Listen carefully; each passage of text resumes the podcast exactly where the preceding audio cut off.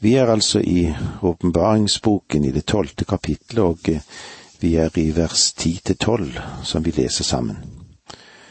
Og jeg hørte en høy røst i himmelen som sa, Seieren og kraften og riket tilhører fra nå av vår Gud, og Hans salvede har herredømme. For våre brødres anklager er styrtet. Han som anklaget dem for vår Gud dag og natt. De har seiret over ham i kraft av lammets blod og det ordet de vitnet om.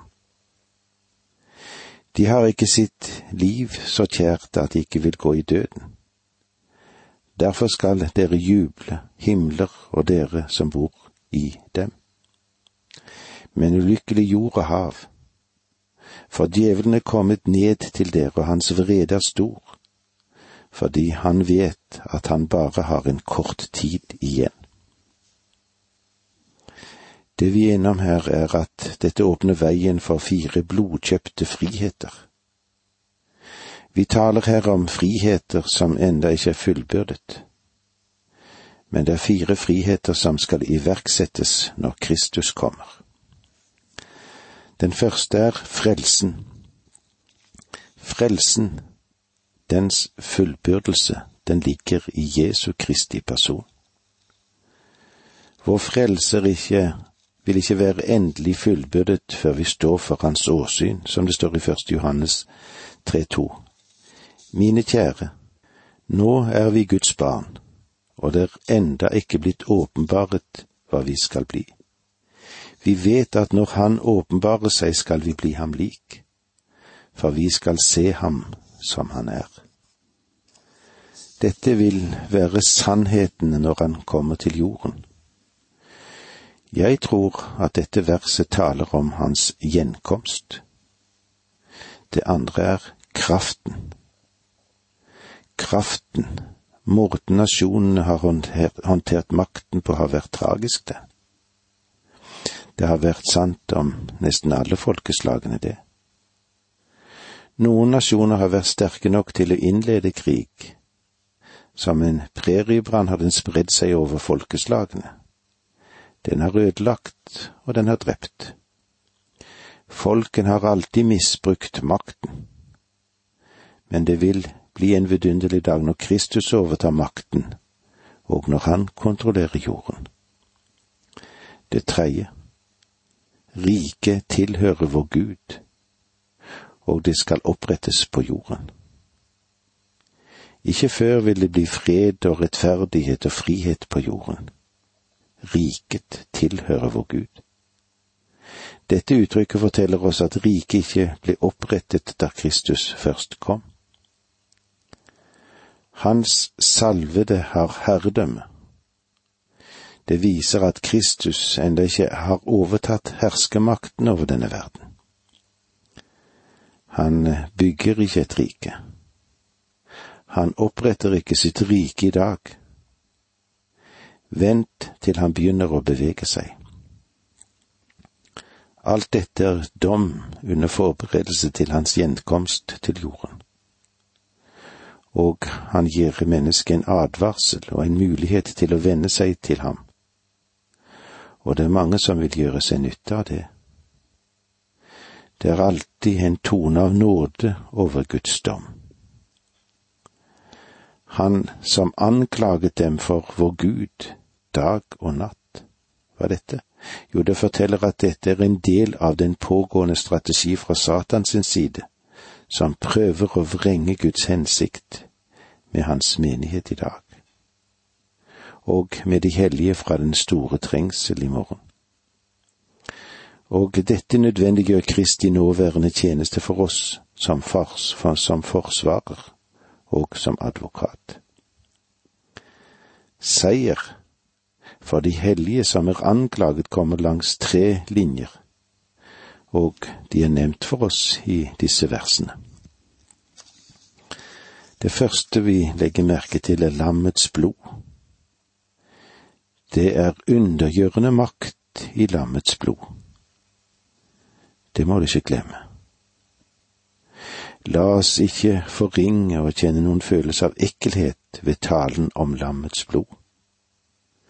Dette vitner i himmelen så vel som på jorden. Det er ikke noe rått eller brutalt med Kristi blod. Det brutale, hva er det? Jo, det ligger i våre synder, som gjorde det nødvendig for ham å gi sitt blod. Om du og jeg får noen seier, så er det fordi han utgjød sitt blod for deg og meg.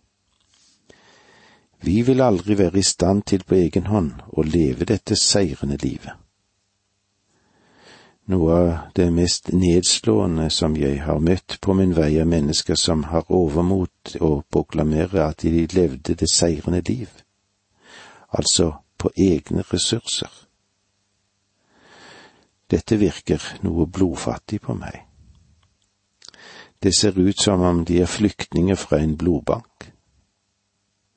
De trenger en overføring fra himmelen av blod. Det er det som gir verden liv. Det er ikke vi som lever det seirende liv. Nei, det skal vi leve for det er det Jesus har gitt oss, og han lever med sitt seirende liv i oss. Hvis noen av oss overvinner, så er det ved lammets blod. Og det må vi ha klart for oss. Det andre vi skal legge merke til, det er ordet de vitnet om, forteller at de var sanne martyrer. De som tilhører Kristus, kan ikke fornekte ham. Men den som fornekter meg for menneskene, han skal også jeg fornekte for min Far i himmelen, står det i Matteus 10, 33. Det er noe styrken i å gi sitt vitnesbyrd. Du må ikke misforstå meg. Det er noen som legger kanskje listen for høyt for sine vitnesbyrd. Noen i deres nærmeste omgangskrets kjenner dem for altfor godt, og det gjør dem kanskje noe betenkt og skeptisk. Stedet der vårt vitnesbyrd skal lyde, er i første rekke ikke i de trygge kirkelige sammenheng, selv om vitnesbyrdet ikke må forstumme der. Men der ord og vitnesbyrdet skal lyde der ute i verden der du og jeg må stå mot en likegyldig eller antikristelig atmosfære. La dem få vite at du tilhører Kristus, og at du er i Kristus. Det er noe styrken i det. Det er noe som får et menneske til å stå oppreist og rak når han kan få avlevere et slikt vitnesbyrd. Det er her de sanne martyrene finnes.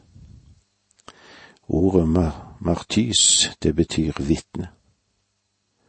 Det er dem som vitner for ham, som ikke har sitt liv kjært inntil døden. Det tredje som vi òg kan legge merke til her, de hadde ikke sitt liv så kjært at de ikke ville gå i døden. Dette er et liv på det høyeste plan, der du og jeg gjør kjærligheten til Kristus til det fremste i vårt liv og eh, kjærligheten til oss selv, ja, den må komme i annen eller tredje eller fjerde leddet. Men selvfølgelig skal vi ha respekt for oss selv. Det må være en reisning i oss omkring oss, men la oss for all del sette Jesus først. Når vi setter ham først, vil vi ikke ha noen problemer med å leve for ham i den tid vi skal være her på denne jord. Det store problemet i dag er ikke de mange regler som vi skal presses inn i å leve etter. Ja, når vi tenker både rent medmenneskelig og religiøst. Det er det som er bak regelen som er viktig. Og her er det du og jeg trenger en bakgrunn og en motivasjon for dette. Lammets blod. Det ord du vitner og kjærligheten til ham over alt annet er selve grunnlaget for tjenesten. Jesus sa jo til Simon Peter, og du husker det sikkert, og det gjelder oss alle sammen, elsker du meg? Da Simon Peter til sist kunne si at han gjorde det, selv om han kjente seg så svak, så sa Jesus til ham, Jeg vil bruke deg, Peter, du skal fø mine får. Når eh, Peter holdt sin første preken i menighetens historie, så ble mange frelst. Mange ble frelst i datidens verden når Peter talte om å fø mine får. Det er to radikale reaksjoner på det at Satan blir kastet ut av himmelen. Det er gledens utbrudd i himmelen fordi denne skrekkelig, forræderske, farlige og dødelige slange er borte for alltid. Deretter er det skrekk på jorden. Dette er det tredje ved som kommer som et resultat av den sjuende vredeskål. Den eneste trøst på jorden er at Satans besøk ble kort. 42 måneder. Under denne perioden er trengselen på sitt aller sterkeste. Og eh, med disse ordene må vi si takk for nå. Må Gud være med deg. Dette undervisningsprogrammet består av to deler. Åge Nevland fortsetter nå med andre del av dagens undervisning. Vi er i Johannes' åpenbaring, denne mektige boken som har så mye å si oss og gi oss, og vi er til stede med den store kampen, kvinnen og draken, eller slik som vi òg vil se det nå i det vi går inn i det trettende og fjortende vers i kapittel tolv i åpenbaringsboken. Draken forfølger kvinnen. Vi leser sammen. Da draken så at den var kastet ned på jorden, forfulgte den kvinnen som hadde født guttebarnet. Men hun fikk de to vingene til den store ørn, så hun kunne fly ut til sitt sted i ødemarken for å få mat og det hun trengte, i en tid og to tider og en halv tid, langt borte fra slangen. Dette er den siste bølge av antisemittisme som skulle rulle over jorden og det er den verste. Fordi Satan er kastet ned på jorden, og han vet at tiden hans er kort. Han hater Israel fordi Kristus kom fra dette folket etter kjødet. Dette er tiden for Jakobs kamp, og det er grunnen til at jeg ikke helt og fullt enda kan fryde meg over at Israel har vendt tilbake til sitt land. Noen mennesker tror at de er kommet tilbake for å feire tusenårsriket. Det er det ikke. De er kommet tilbake for å møte den store trengselsperioden, om de i det hele tatt er kommet tilbake av noen grunn. Iallfall ifølge Guds ord, slik jeg ser det. De to vingene til den store ørnen ble gitt henne så hun kunne fly inn i ørkenen. Det er de som i dette ser de flyene som tok av og har Israel som sitt skjulested. Det synes jeg blir litt for trangt, og kanskje litt for kortsiktig forklaring. De to vingene til den store ørnen er ikke noe uvanlig eller merkelig for dette folket, men minner oss om den nåde Gud ga da Israel i sin tid forlot Egypt. Og han sa til dem, dere har sett hva jeg gjorde med egypterne, og hvordan jeg løftet dere på ørnevinger og bar dere hit til meg, som det står i Andre Mosebok 1904. De var ikke kommet ut fra Egypt på bakgrunn av sine egne anstrengelser, eller med de evnene som de selv hadde. De kom ut fordi Gud førte dem ut, og ørnevinger ble et symbol for dem og her under den store trengsel kan heller ikke Israel utfri seg selv. Og det er ingen andre heller som er interessert i å fri dem ut. Men Gud skal føre dem ut på ørnevinger på sin måte, og ved sin nåde. Ut til sitt sted i ødemarken. Den ødemarken har blitt tolket noe forskjellig. Den ene tolkningen dreier seg om klippebyen Petra. Noen sier at det er ørkenen i folkevrimlen i verden, det vil si, det vil enda en gang komme en verdensvid adspredelse for Israel. siden Kristus sa fly opp i fjellene i Matteus 24, 16, synes det å nesten å være sannsynlig at dette er en reell ørken. Muligens av eh, samme karakter der Israel tilbrakte 40 år under Moses. Den tid det her er tale med 42 måneder. Det er eh, betydning av én tid og to tider og en halv tid. Det viktige her er ikke stedet, men det faktum at Gud vil beskytte og bevare dem ved sin nåde. For å få mat og det hun trengte, det minner oss om at i fortiden ga Gud det manna fra himmelen og vann fra klippen.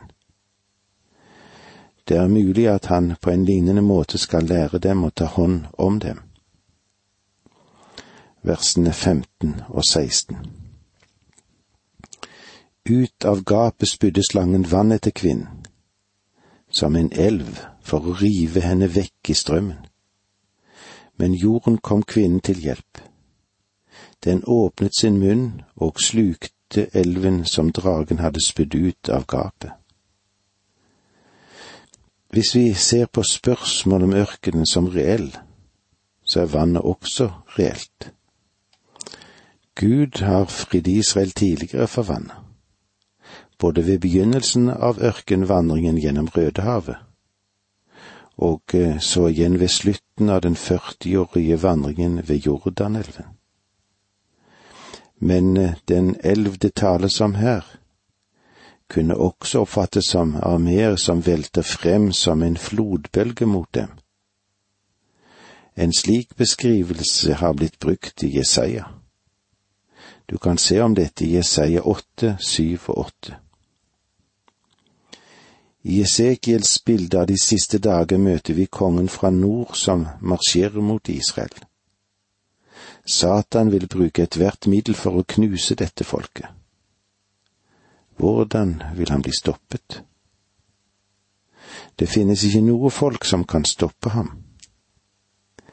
Men Gud er der, og han skal ødelegge ham gjennom naturlige virkemidler når han forsøker å erobre landet. Esekiel 38, 22. Jeg straffer ham med pest og med blodsutgytelse. Jeg sender høljende regn og haglsteiner. Ild og svovel lar jeg regne over ham og hans fylkinger, og over alle folkene som er med ham. Dette gir oss en antydning om hva Johannes taler om her i åpenbaringsboken. Vi ser Israels rest. Vers 17 Fylt av raseri mot kvinnen gikk dragen av sted for å føre krig mot de andre av hennes ett, mot dem som følger Guds bud og holder fast ved vitnesbyrdet om Jesus. De andre av hennes ett kan henvise til en rest som skal være Guds vitner i denne perioden de 144 000 som er blitt beseglet. Det virker sannsynlig at de vitner over hele verden.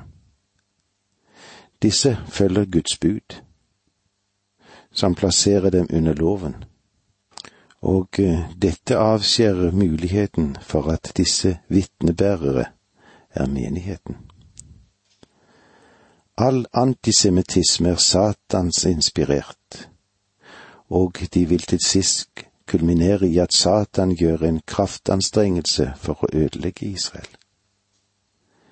Fra mursteinsbruker i faraos Egypt, forbi Hamans galger, Herodis grusomme dikt, via Hitlers holocaust og frem til den store trengsel. Der har Satan hele tiden ledet angrepet mot dette folk på grunn av barnet, Jesus Kristus vers 18. Og den stilte seg nå på stranden ved havet. I en eh, annen oversettelse så står det slik, og jeg sto på sanden ved havet. Dette virker som om det henviser til Johannes. Men av sammenhengen ser vi, og eh, de beste håndskriftene bekrefter det, at den eller han er det riktige. Hvem er han? Jo, det er draken eller Satan i det foregående verset. Draken og Satan er den samme. Dermed er det duket for en aksjon fra Satans side. Egentlig så kunne dette, godt, dette verset ha vært knyttet til neste kapittel, men det forteller at noe alvorlig er i ferd med å skje. Vi går over i det trettende kapittelet, og sju skikkelser trer frem for oss ved den sjuende basun. Fem av disse har vi møtt i kapittel tolv. Kvinnen eller Israel, den røde drake, Satan, kvinnens barn, Kristus, Mikael, overengelen, Israels rest, det vil si de 144 000 som hadde fått sitt seil av Gud, og som skulle berges gjennom den store trengsel. I kapittel 13 møter vi de to siste skikkelser som løftes fram for oss. Et av dem er dyr fra havet. Dette er både en politisk makt og en person. Det andre er dyret fra jorden. Det er en religiøs leder. Og her møter vi disse to personene. Her får vi fortalt hvilken kolossal krig som foregår mellom lys og mørke, mellom Gud og Satan. Det blir nå klarere når vi beveger oss mot tidens slutt under den store trengselsperioden. Disse to dyrene blir presentert for oss som villdyr. Det er den bokstavelige tolkningen. Det er galt nok å være et dyr, men å være et villdyr forteller om skadevirkninger. Og det er stor uenighet mellom kjente bibelfortolkere når det gjelder å beskrive dyrene. Noen anser det første dyret for å være en person, mens andre ser på det siste som en fremstilling av det romerske imperium.